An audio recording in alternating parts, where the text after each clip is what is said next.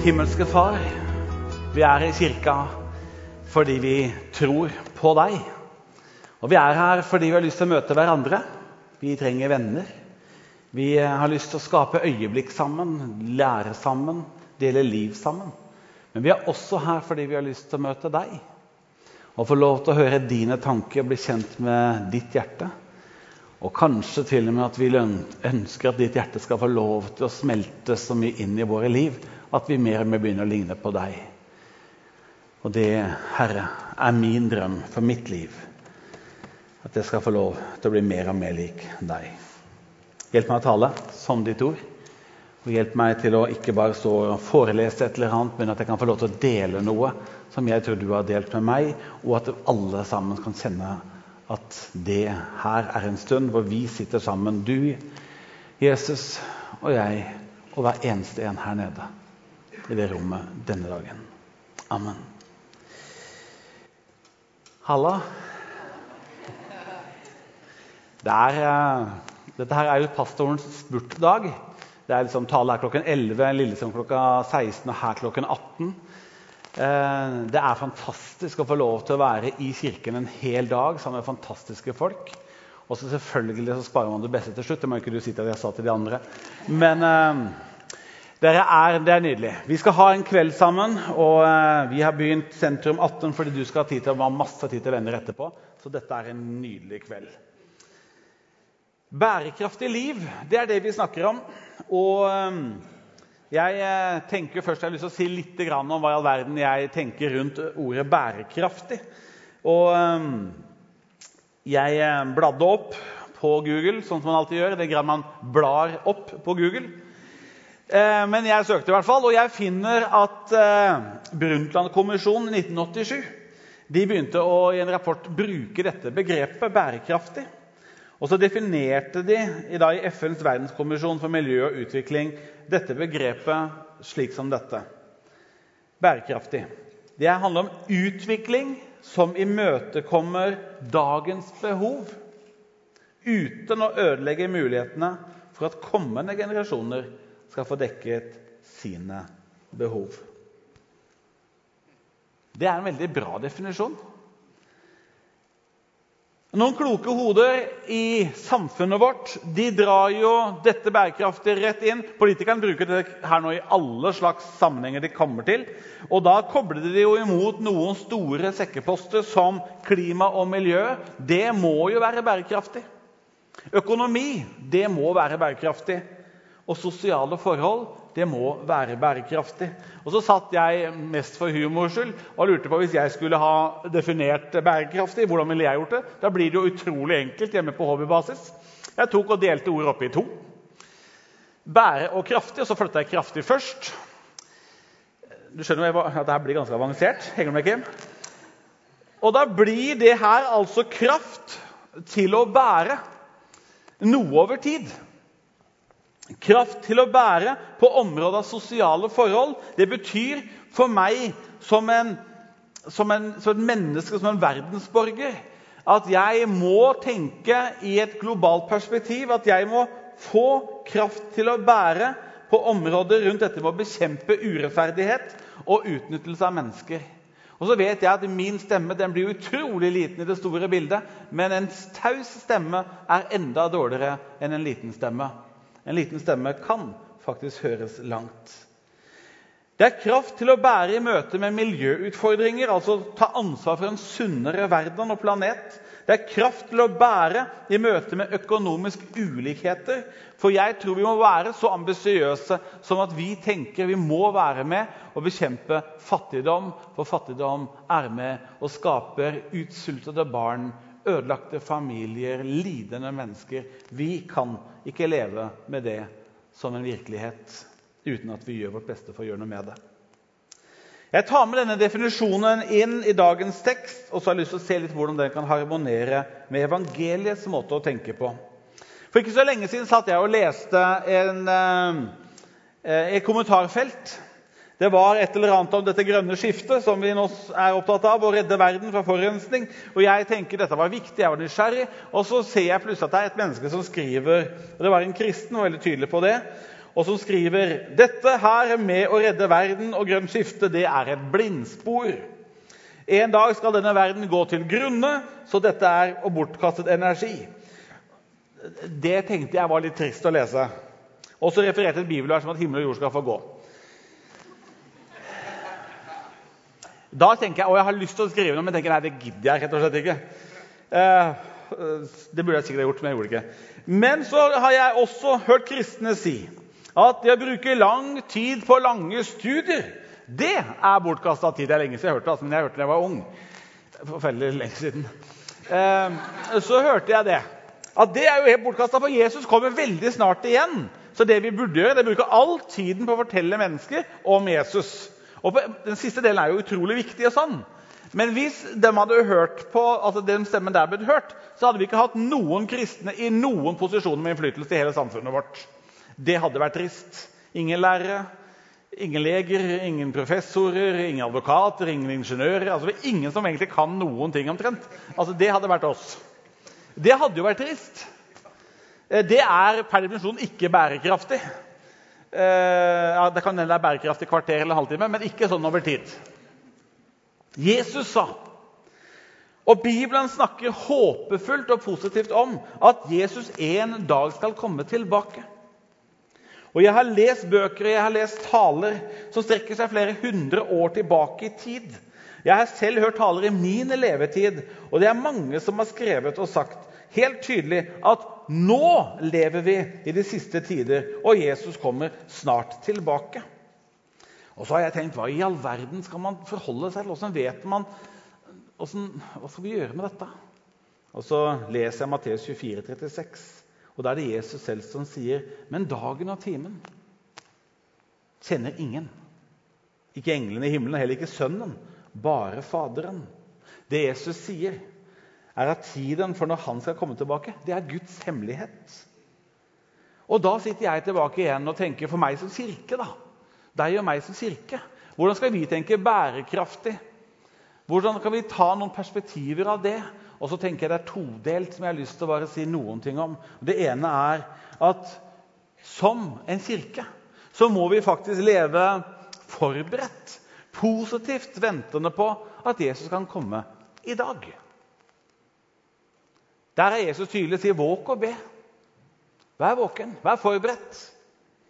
Det andre perspektivet da, det er at vi som kirke vi må forvalte Kirken og samfunnet og skaperverket slik at vi gir de neste generasjonene de aller beste forutsetningene for forvalterskap i den etappen de skal løpe hvis Jesus skulle drøye enda en tid. Så er det da opp til meg og deg som kirke å finne ut hva det her betyr i praksis bærekraftig handler uansett om noe som er nå, men også om noe som kommer. Og vi må klare å balansere de perspektivene på en sunn måte, også som kirke og som verdensborgere, som en del av det samfunnet vi lever i. Forbruk og forvaltning. Jeg eh, satt jo da og forberedte meg. Man gjør det i beste fall, eller det bør man jo gjøre når man skal si noe. Så satt jeg og forberedte meg, og så sitter jeg og tenker Gud.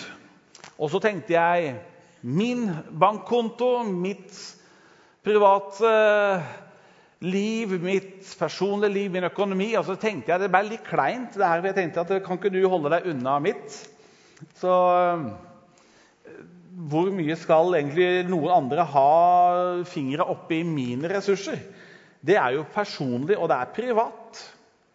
Jeg har satt og tenkt at fra den yngre garden som nå stiller seg på barrikadene for å ta nødvendige grep for at vår planet ikke skal utsettes for mer skade enn den allerede har gjort. Så lyder et klart budskap, og det er at ingen har lov til å forvalte fellesgods som det er privat eiendom. Ingen har lov til å forvalte fellesgods som det er privat eiendom. Men når jeg hører det, så syns jeg nesten jeg hører Guds stemme som snakker samtidig. Og han sier egentlig det samme utover hele verden. Ingen har lov til å forvalte fellesgods som det var privat eiendom. Jeg har så lyst til at du og jeg i dag skal være lyttende og ikke gå i lås, eh, ikke stenge døra for fort. Men har lyst til å si Jesus, Det du har lyst til å si til meg i dag, la meg få høre det og forstå det. Og hjelp meg til å forstå hva det skal bety som en praktisk konsekvens for livet mitt. Vi vet jo at Jesus han valgte ofte når han skulle si noe som var viktig og litt vanskelig, så brukte han, det, brukte han fortellinger. Han kalte det lignelser. Forvalterskap er et tema han var veldig opptatt av, og han snakket om det ganske ofte. Og han har flere sånne fortellinger eller lignelser om nettopp det. I Matteus 18 så snakker han om den ubarmhjertige medtjeneren. Og så snakker han i Matteus 25 om lignelsen om talentene. Og så i Lukas 12 lignelsen om den tro og kloke forvalter. I Lukas 16 lignelsen om den uærlige forvalteren. Og i Lukas 19 lignelsen om pundene. Jeg kan ikke gå inn i disse, men alle disse fortellingene handler om forvalterskap. Kristen forvalterskap det er å se på som et tillitsverv som Gud gir den enkelte troende idet han gir oss muligheten til å gjøre tjeneste i sitt rike. Det er som Guds invitasjon til hver etterfølger med å være med i hans arbeid. Når vi ser disse lignelsene som jeg nevnte her nå, så har de tre fellestrekk.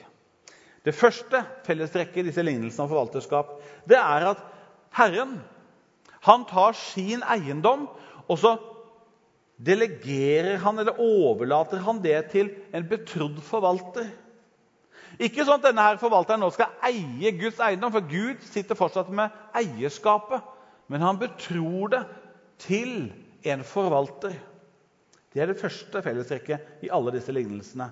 Og I flere av lignelsene så skjer det som er nummer to av fellestrekkene. Og det er at Herren han drar utenlands. Da skal forvalterne være hans representanter i hans fravær. De representerer sånn sett ikke seg selv, men sin herre. Og Jeg har jo flere ganger sittet og tenkt på det her. Tenk hvis, hvis Gud hadde ett kort, og det var Daniel Egeli. Og Han sa nå plasserer deg i Oslo, Daniel. Kan ikke du gjøre så Oslo skjønner og ser hvem jeg er? Da tenker jeg det er en solid overvurdering av Daniel Egeli. Bare Selv i nabolaget mitt tenker jeg det er en overvurdering. Altså, hvor mange vil se på Daniel Egeli og tenke wow, altså, hvilken gud han har? Jeg må spørre han mer om hvem Jesus er. Altså, jeg skulle ønske det var sånn at de faktisk tenkte det. Eh, jeg håper i noen lyse øyeblikk at noen tenker det. Litt mørke øyeblikk tenker at ingen tenker det. Altså, jeg, men tenk at han tør å gjøre noe så risky som å betro hele sin eiendom, hele oppdraget, hele hjertet sitt, til sånne som oss. Altså, Man må ikke ta det helt personlig, men det er ganske svært. Og det jeg syns det er modig. Det tredje av fellestrekkene det er at mens Herren er borte skal ikke eiendommen hans ligge ubrukt. Sånn som at, så En av fortellingene er at han, han der som forvalteren han får det, og så graver han det ned, gjemmer det. og Så venter han helt til Herren går tilbake, så, går han, så graver han det opp igjen, så gir han det tilbake igjen. Det er ikke Herren fornøyd med. Fordi han har aldri tenkt at vi skal sitte med et passivt overoppsyn med hans eiendom. Nei, han har sagt du skal aktivt bruke det. Du skal investere det, du skal dyrke det. Jeg vil se at du får det tilbake i mangfold. Det du har fått, vil jeg få lov til å se at du kommer tilbake igjen og bærer frukt og høst av det. Denne måten å tenke på den innebærer at Gud, som eier, som herre, da, kommer og gir meg som forvalter frihet. Han utfordrer meg på troskap, og han stiller meg til ansvar. Jeg liker jo best ett av de ordene, og det er frihet. Eh, troskap og ansvar er litt mer krevende. Men han gjør alle tre tingene. Så disse lignelsene, så Der kommer da Gud, og så eier han masse, og han gir det til noen betrodde. Og så drar han utenlands. Han drar til himmelen. Han kommer også tilbake igjen i kraft av Den hellige ånd for at vi skal få kraft, styrke og hjelp til å leve ut det oppdraget og forvalte det riktig. Men han har tatt et steg tilbake i forhold til å tørre å overlate til oss som forvaltere. Og så sier han forvalt det. Bruk det. Gjør noe ut av det. Del det med alle. Og Ved en anledning så sier han til en som da ikke delte det, at det er ondt. Og så tenker jeg, Hvorfor kaller han det ondt? Jo, det er ondt fordi at hvis det jeg har fått noe som er bra, og noe som har betydd masse for mitt liv, og det er mer enn nok for meg og til andre, og de rundt meg trenger det, og jeg ikke deler det, det er en form for ondskap. I hvert fall hvis det kan redde liv, eller gi evig liv, eller bringe håp, eller trøst, eller helbredelse eller legedom, eller kjærlighet, opplevelse av verdi og bli sett. Hvis vi holder det tilbake for den som trenger det, det er en form for ondskap. Og da sier Gud du må gå ut og dele det. Og dette vil han en dag når han kommer tilbake igjen, så vil han også komme for å lønne oss for forvalterskapet. Og samtidig stille oss til ansvar for forvalterskap. I en global forståelse er hvert menneske forvalter på vegne av fellesskapet. Det tror jeg er viktig. Det. Altså, du bør ikke være kristne for å tenke det. Det bør vi tenke alle sammen. Vi er alle med å forvalte på vegne av. Og Det er der det blir så gærent når vi blir selvsentrerte og tenker at det som er mitt, er mitt, og det, ingen har noe med det. Jo, de har noe med det, for vi forvalter alle sammen på vegne av oss alle. Derfor må vi bekjempe urettferdighet. Det er ikke greit hvis vi sitter inne på berget her sånn og har det fint, mens mennesker lider andre steder eller opplever urettferdighet og tenker vi så lenge jeg har det bra, så er det helt greit. Da bør vi bruke denne muligheten til å bety noe for andre. Vi må bekjempe rasemessige, sosiale og økonomiske ulikheter. For i en kristen forvalterforståelse ligger det en sterk og utfordrende solidaritet i bunnen av hvordan vi skal leve livet vårt. Solidaritet med den svake, den sårbare, den som trenger at jeg bidrar. I et evangelisk tankesett ligger Guds nådefulle frelse eller redning som et bakteppe. Jeg var fortapt. Jeg var død. Jeg var en håpløs gjeldsslave. Han kommer og redder meg. Han kommer og gir meg nytt liv. Han betaler gjelda, og så løfter han meg opp igjen til et nytt liv. Det er bakteppet mitt. Det er helt fantastisk. Jeg blir veldig begeistra for det, faktisk. Faktisk. For det er ganske bra, hvis du nå tenker over det. Det at vi blir reddet, at vi får nytt liv, får nytt håp. At vi kan tenke at det er fantastisk med tid, men vi har det pluss evighet. Er ikke dårlig, det heller. Det er ingen andre som kan tilby det. Det at vi har en som kan komme og helbrede våre sykdommer, trøste oss, gi oss håp i det håpløse, det er pakka. Men så satt jeg og tenkte at ok, dette er bra. Men så kommer Peter, og så roter han det til. Han kaller oss for eiendom. Det likte jeg ikke helt. Han sier det i kapittel 2,9 i 1. Peters brev. Han sier at vi er Guds medarbeidere og åker, men det var ikke det jeg brydde meg om. Jeg hang meg opp i at vi er Guds eiendom. Og så tenker jeg eiendom. Da ble jeg plutselig redusert til et eller annet. Eh, var det greit?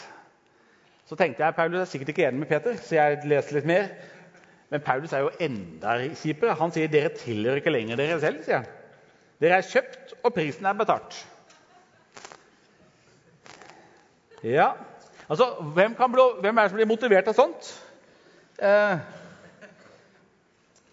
og nå, nå, tuller jeg litt, men samtidig så er jeg helt seriøs. Jeg satt og tenkte altså, Hvorfor skal, altså, skal det oppleves som gode nyheter? Altså, Du er eiendom. Jeg havna rett tilbake i USA på 1860-tallet. Da var det også noen som var kjøpt og betalt. De syntes ikke det var bra et sted. Det kalles slaver, det. Og det vil jeg ikke være. Dere tilhører ikke lenger dere selv. Dere er kjøpt, og prisen er betalt. Dette ble jeg sittende og grunne på. Hva i all verden betyr det? og Hvordan skal jeg klare å tenke det som positivt? Um, og er det sant? Jeg ble, lurt, jeg ble, sittende og lure på er det da riktig ut fra dette og kunne, Det var masse bibelsteder jeg kunne sagt som sier akkurat det samme. så Det er ikke liksom bare to vers. Det er mange steder som sier akkurat det samme. Og da Er det spørsmålet mitt, er det da rett å utlede fra dette at ingenting av det jeg er, og eier, egentlig er mitt. Men alt mitt er faktisk Guds. Altså, hvis jeg var død, og han ga meg liv Jeg var fortapt, og han redda meg. Han kjøpte meg.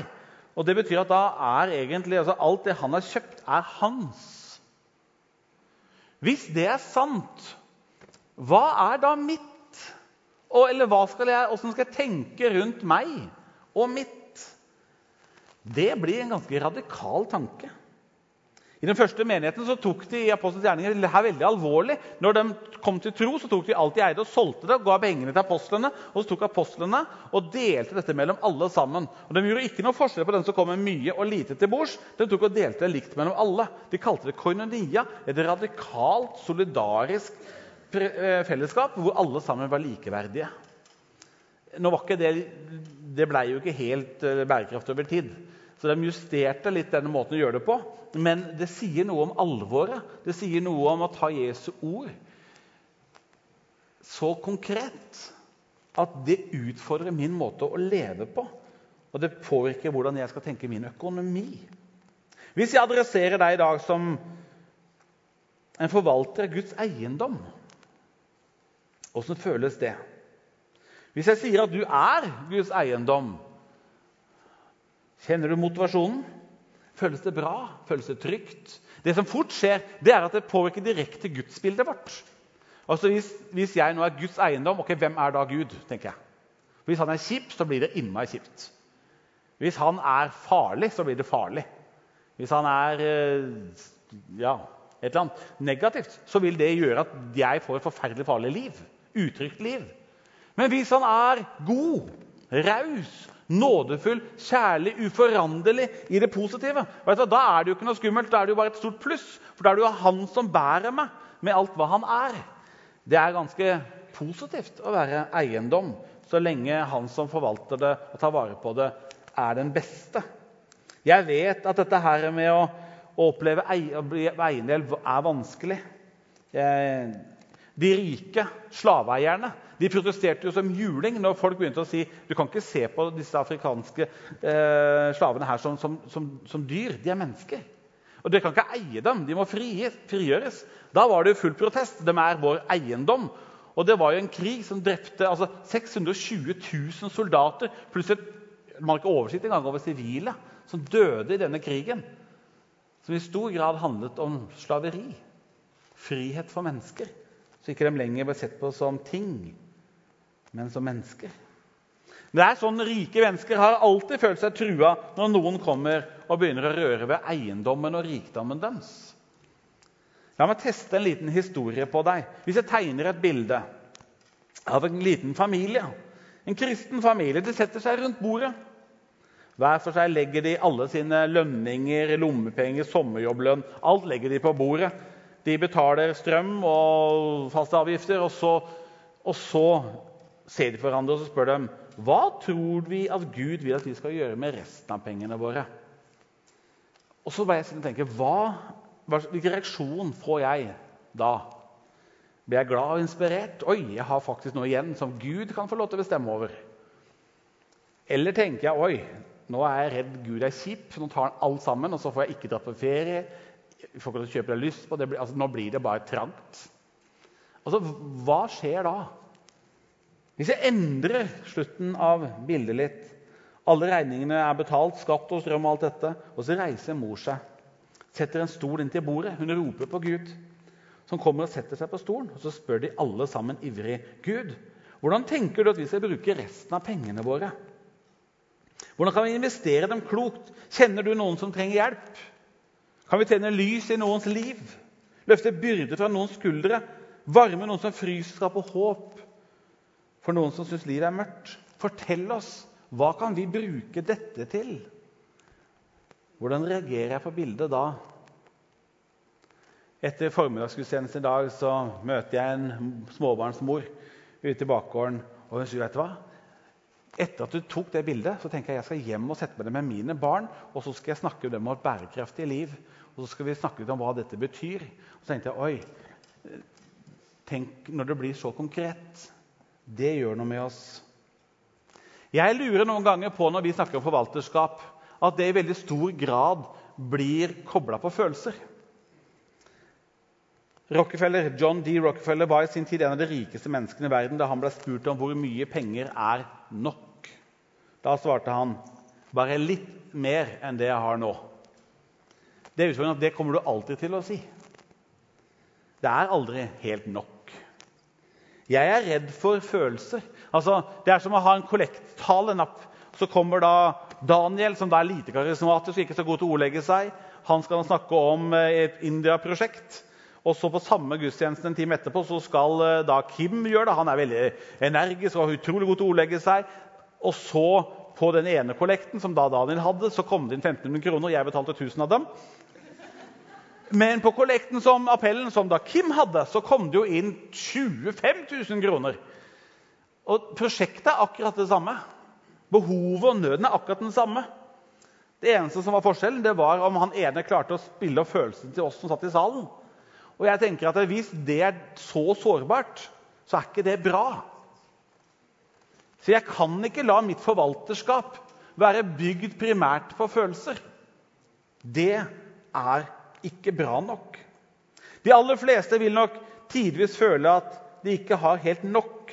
Jeg vil si at kunsten den er å gi av det vi allerede har. Så kan det godt hende vi får mer, men begynn der du er. I Markus 12 så er det en fantastisk vakker fortelling om en enke. Det var kollekt. Og de, kommer, de rike kommer og gir, og de gir det gjerne så det synes. Det var nesten så det tok litt tid å få dytta penga dere i bøssa. liksom. Men så kommer denne her enka, og hun gir noe som er så lite verdi at antagelig ikke betydde noe fra eller til for den kollektens skyld. Altså, De får ikke kjøpt så mye for det etterpå uansett. Så hun kunne egentlig bare spart seg for hele greia.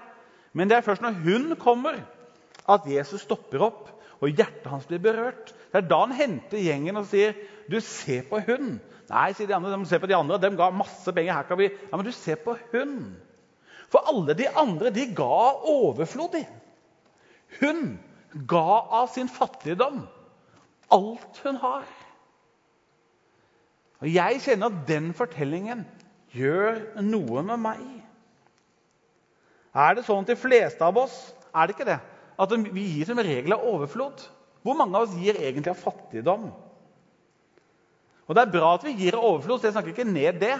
Men jeg har lyst til å utfordre likevel perspektivet av Er det ikke sånn at vi noen ganger må tenke at vi må tørre å gi, sånn at det faktisk berører livet vårt. At det er faktisk riktig å gi tienden av avlingen, sånn som Bibelen snakker om. Du må ikke tenke at det er så lite, det er bare en dråpe i havet. Havet er bare en stor samling av små dråper. Så dråper er viktig. Peter svikta, den lille gutten med fisk og brød. altså Det var så lite. Men det er de som reiser for og blei søylene. Fortellingen om gutten med disse fiskene og brødene snakker vi om 2000 år etterpå. Det var nok til 5000 mennesker pluss kvinner og barn. Det er aldri lite, bare du får lagt det i de rette hendene. Du må ikke tenke lite om deg selv og ditt bidrag. Det er en viktig dimensjon i kristen forvalterskap å tenke lydighet. Lydighet mot en overbevisning, noe vi ser Gud utfordre oss på. Og Hvis vi ser Gud utfordre oss, så er det opp til oss å finne ut skal jeg være lydig. Veldig mange av oss vil overlate til jeg gjør det når jeg føler for det. Når jeg er begeistra nok, inspirert nok. Det blir nyttårsforsettene.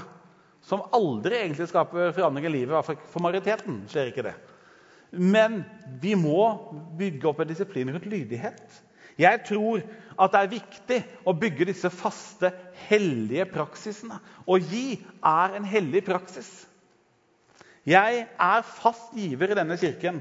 Det er fordi at jeg har ikke råd til å overlate til følelsene mine. For Hvis jeg hver måned skal finne og føle at jeg har råd til det, da blir det ikke mye penger for Daniel Egeli. Derfor går de pengene på tidene går først. Fordi de tilhører Gud.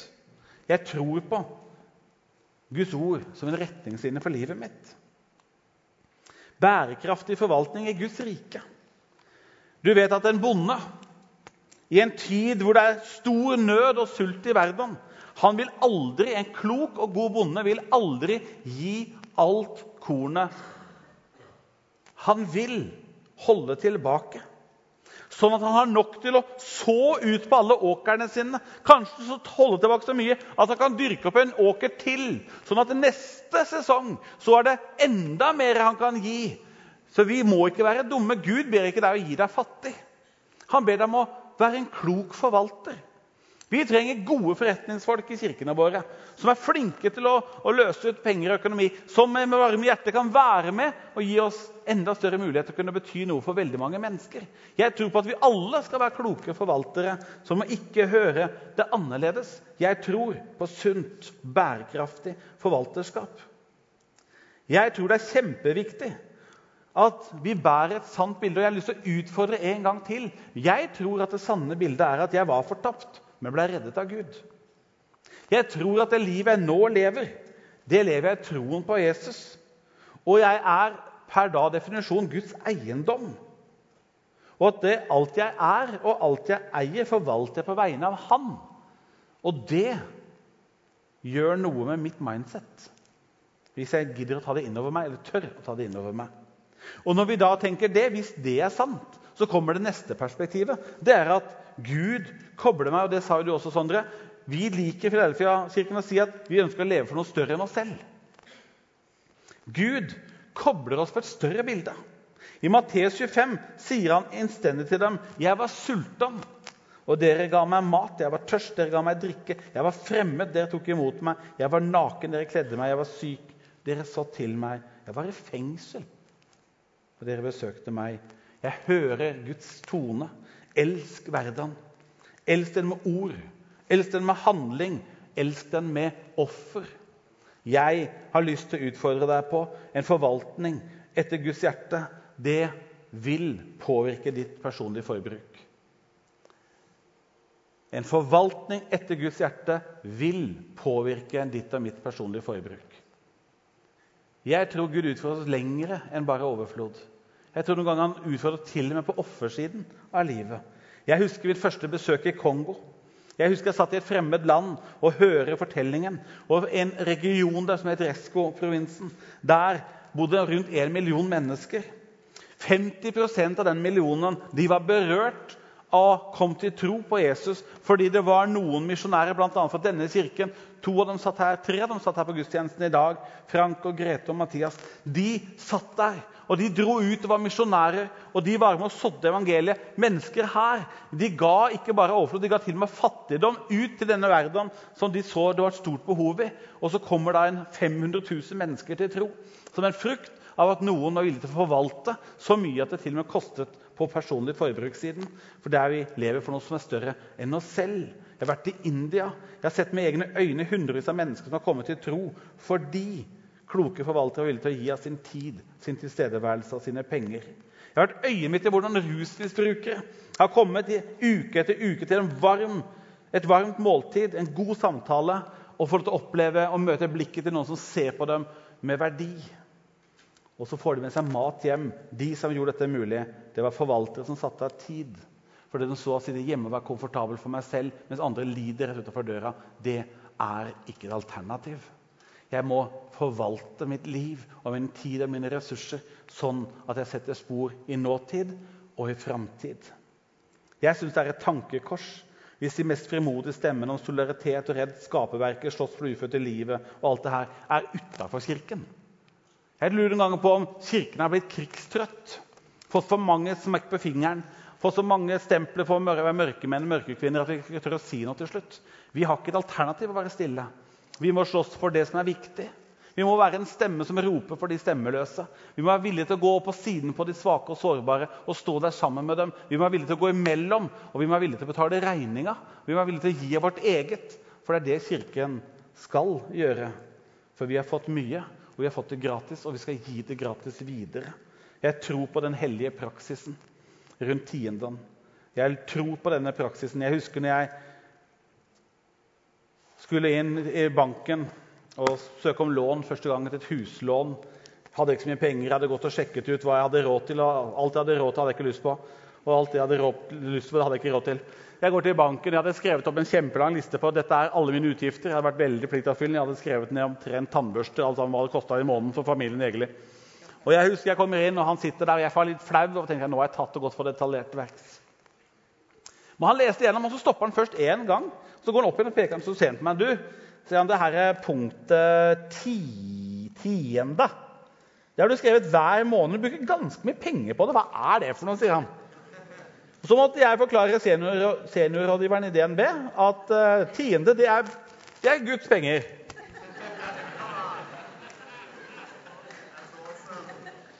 Og det gir jeg og kona hver måned. Det er, det er av de første regningene vi betaler hver måned.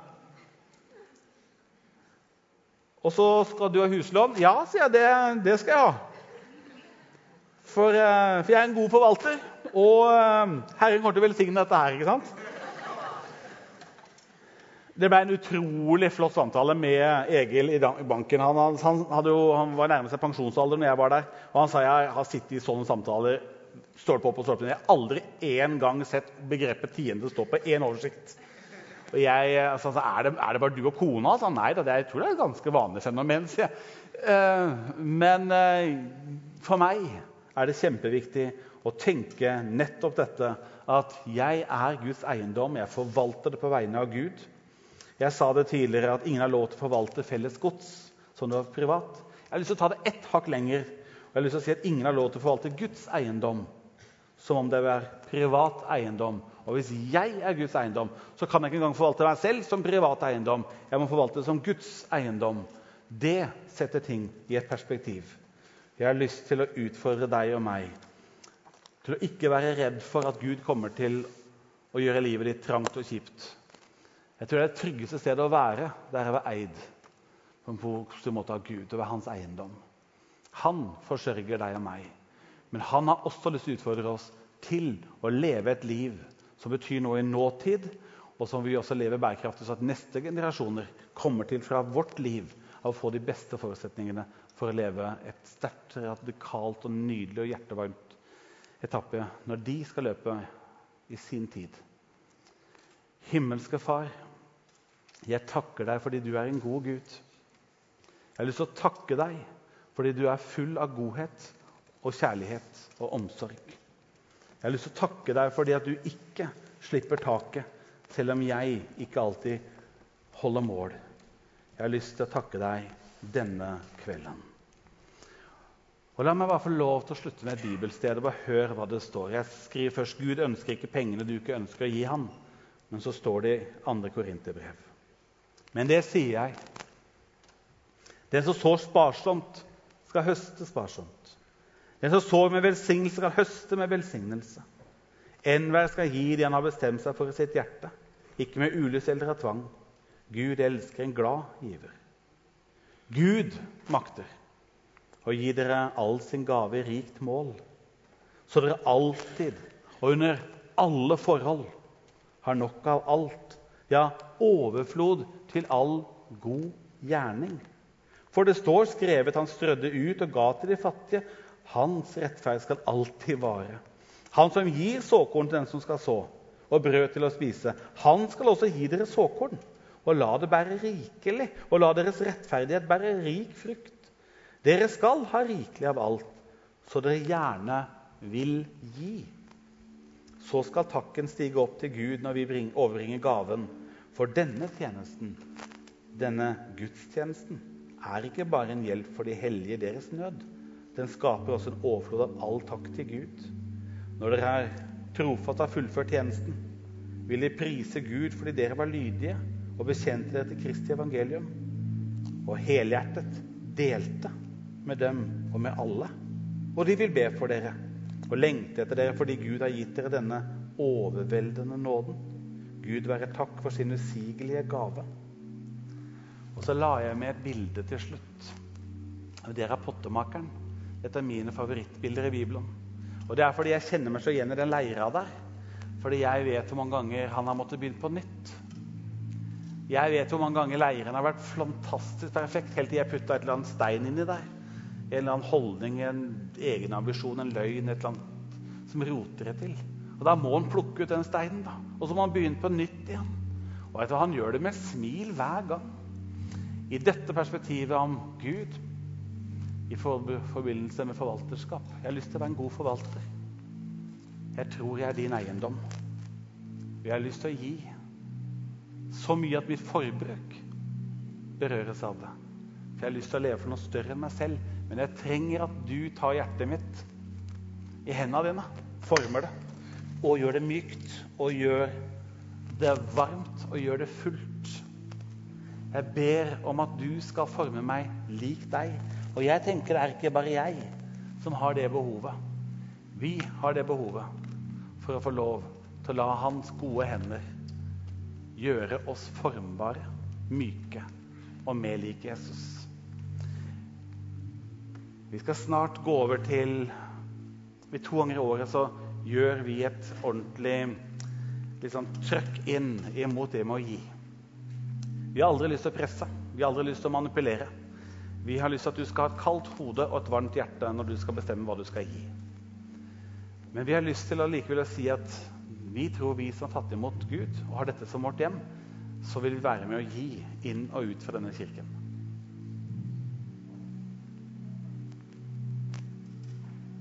Men nå har jeg først lyst til å bare et, par, et øyeblikk, bare et, minutt La denne talen få lov til å hvile litt i hodet og hjertet ditt. Finn ut hva du tenker om at du er Guds eiendom. Så skal jeg komme opp med et lite øyeblikk, og så skal vi gi en gave til Gud.